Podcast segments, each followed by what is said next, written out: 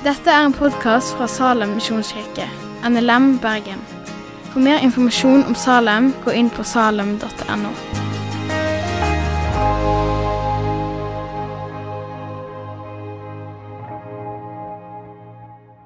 Bibelen har mye å si om penger. Jesus har masse å si om penger. Derfor, eh, I mai og juni så hadde vi en taleserie i Salem Bergen om penger. Eh, så det vi skal si i dag fra søndagens tekst, eh, det er ikke så mye som jeg kunne sagt. Men hvis du har lyst til å høre mer, så fins det på vår podkast. Men penger i seg sjøl, eller eiendeler eller mammon eh, i seg sjøl, er ikke en uting. Men likevel så inneholder Bibelen en del advarsler til de som er privilegerte. Det er fort gjort å bli avhengig av Gud. Men likevel så er det en balanse der, for det fins rike mennesker som var rettferdige, og som Bibelen satte opp som forbilder, bl.a. Abraham eller de rike kvinnene som fulgte Jesus. Men penger eller eiendeler det kan fort ta Guds plass i livet. Penger kan bli en gud som en ofrer til. På pengenes alter så fins det flere som har offerrelasjoner til barn, til ektefelle og til øvrig familie. Noen har ofra helse, og noen har ofra hvile og balanse i livet. Bibelens syn på penger er at eh, de er et veldig godt virkemiddel, men de er en veldig dårlig gud. Så advarselen er der. Ikke se til penger for å gjøre det som Gud er i stand til å gjøre i ditt liv. Vi lever i ei tid som teologene kaller for 'allerede, men ikke ennå'. Det viser til Guds rike og hans herredømme.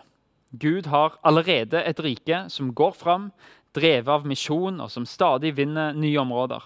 Og vi ser Guds kongsmakt. Det viser seg gjennom at mennesker blir frelst, at mennesker blir helbreda, at de blir satt fri fra avhengighet, og at det gir mennesker en fred som bare Gud kan gi gjennom evangeliet.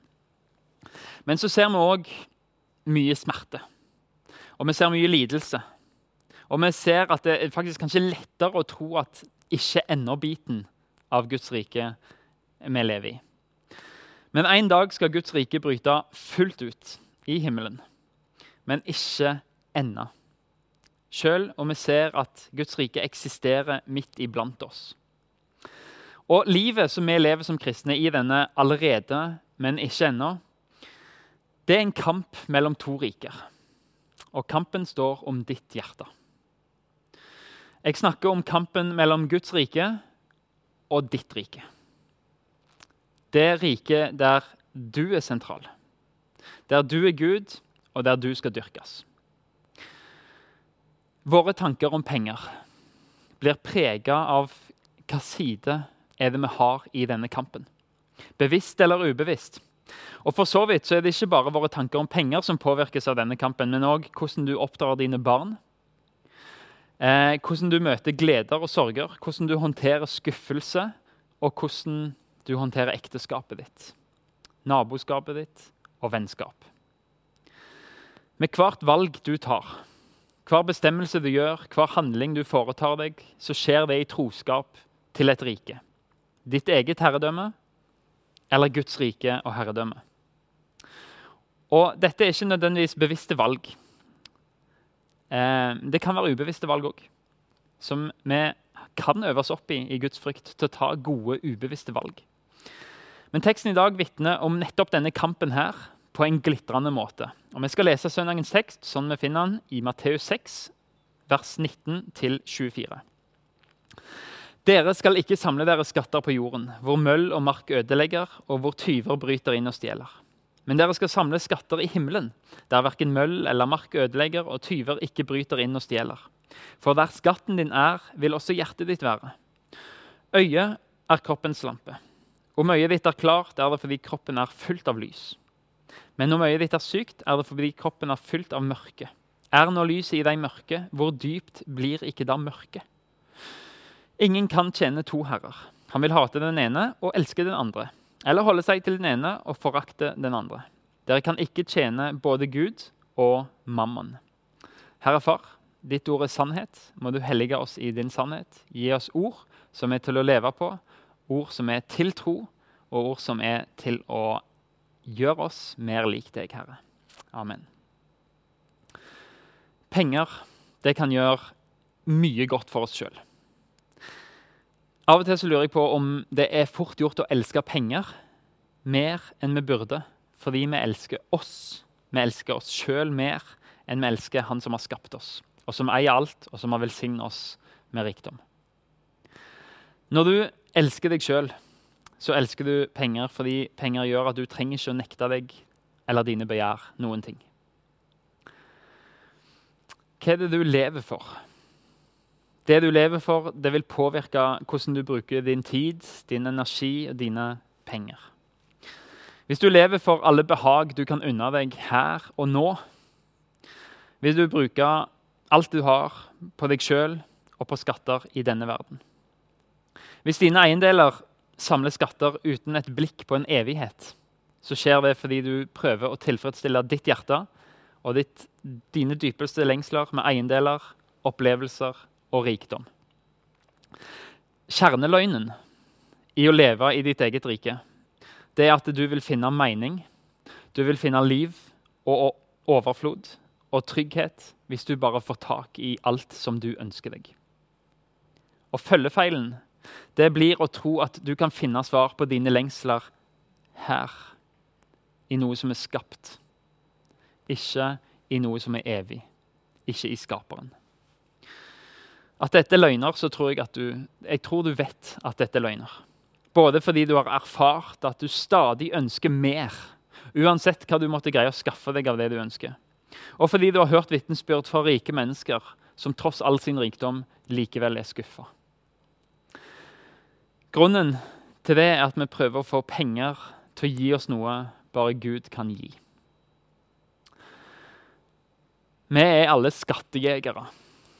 Mer eller mindre så jakter vi stadig på nye skatter. Hadde jeg bare hatt, så ville livet mitt vært bra. Det du fyller inn der i stillheten, det viser hva skatten din er. Så hva er det? Hva er det du lever for? Det du lever for, det er i sannhet skatten din. Uansett hva du bekjenner, uansett hva du forteller andre at du tror, det hjertet trakter etter, det vil forme din tanke, dine begjær, dine valg, ord, handlinger og følelser.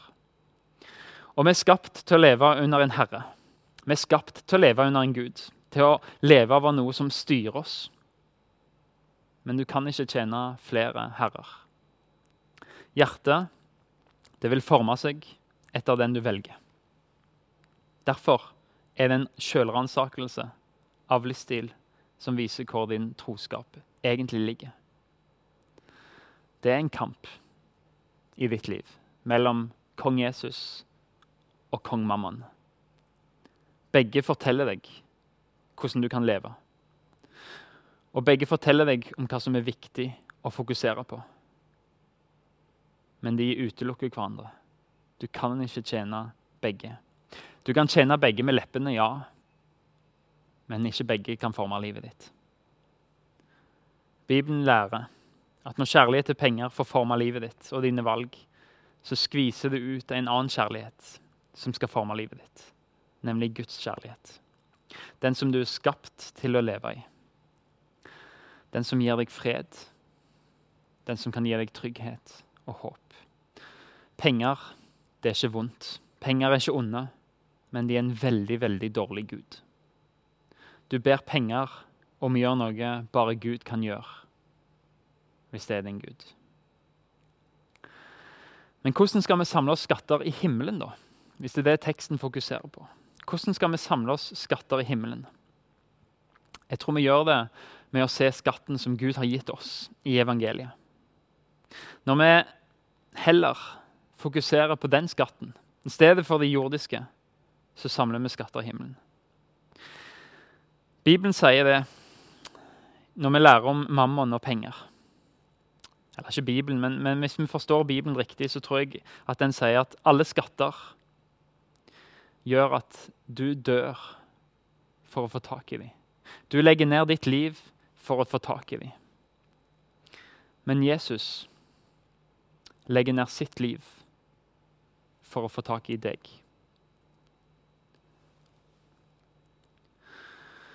Alt det du gir verdi, det vil si dø for meg, så skal du få det som du trakk etter. Men hvis Jesus blir din verdi, så sier han, 'Jeg dør for deg'. La han være din skatt. La han være ditt forbilde. Han hadde alt. Han var Guds sønn. Han hadde status som Guds sønn, identitet som Guds sønn og verdi som Guds sønn. Men han ga fra seg alt det på korset. Når han ble menneske, så mista han alt. Hvorfor gjorde han det? Jo, for han hadde sett en skatt som han var villig til å legge ned livet sitt for. Han hadde sett deg og ville legge ned livet for å skaffe seg deg. Fordi du er verdifull for han. Han tenkte hvis jeg bare har denne personen, så har jeg alt jeg ønsker meg. Og så la han lære livet sitt for å få tak i deg. Han kjøpte deg for den dyreste prisen, og du var verdt det. Han verdsetter deg, og hvis du vet det, så koster det lite å leve under hans kongedømme. For evangeliet sier så mye om deg. Uten å se på bankkontoen din, så har Gud gitt deg en uendelig verdi. Han har gitt deg en status som Guds barn. Han har gitt deg en trygghet og et håp som ikke forgår, ikke visner. En kristen kan tenke slik. Fordi evangeliet er hjørnesteinen i livet. En trygghet i Jesus om at jeg har et rom i himmelen. Uansett hvor få rom jeg har råd til her på jord. En visshet om at alt det vonde som skjer med oss på jord, blir sett av en som har makt til å gjøre deg onde om til noe som tjener det gode. Og vissheten om at eh, jeg har det beste i vente fordi dødens brodd forsvant når Jesus sto opp fra grava.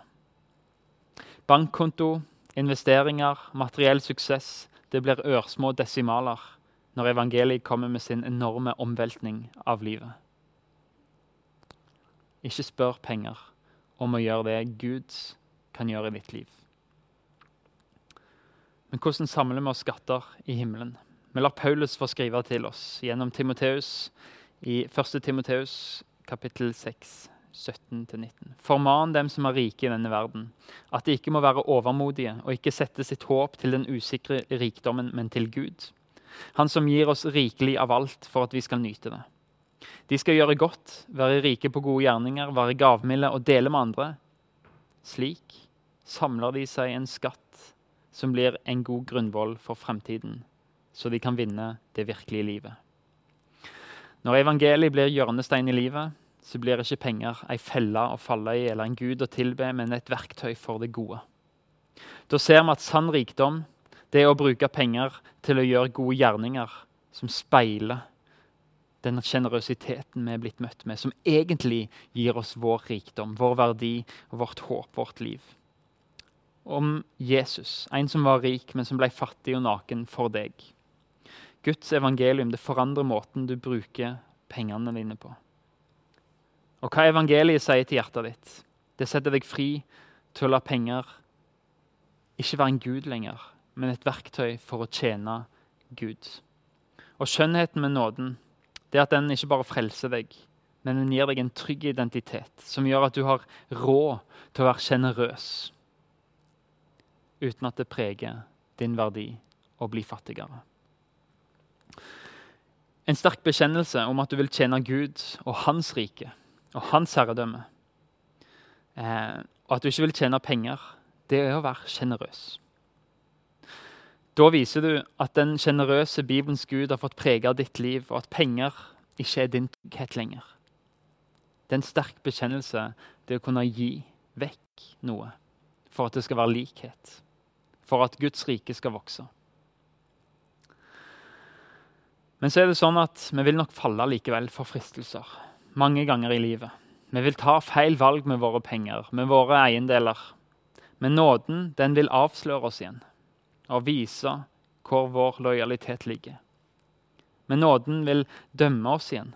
Den vil tilgi oss igjen og utruste deg til å leve etter Guds vilje igjen. Den vil omfavne deg med Guds kjærlighet, og det vil huske hvem du er, Guds barn, Guds datter, Guds sønn. Og du vil huske hva du er blitt gitt, et evig håp. Og så vil den læren, evangeliet, hjelpe deg til å forvalte det du er blitt betrodd, på en måte som etterligner Jesus. En som ga alt han hadde for å nå mennesker. Hold blikket festa på han, så vil pengene dine være et verktøy for Guds velsignelser over deg og mennesker rundt deg. Ikke la penger få gjøre det Gud skal gjøre i ditt liv. Takk for at du har hørt på podkasten fra Salem, Bergen. I Salem vil vi vinne, bevare, utruste og sende, til Guds ære. Vi ønsker å se mennesker finne fellesskap, møte Jesus og bli disippelgjort her i Bergen og i resten av verden. Vil du vite mer om oss, gå inn på salem.no.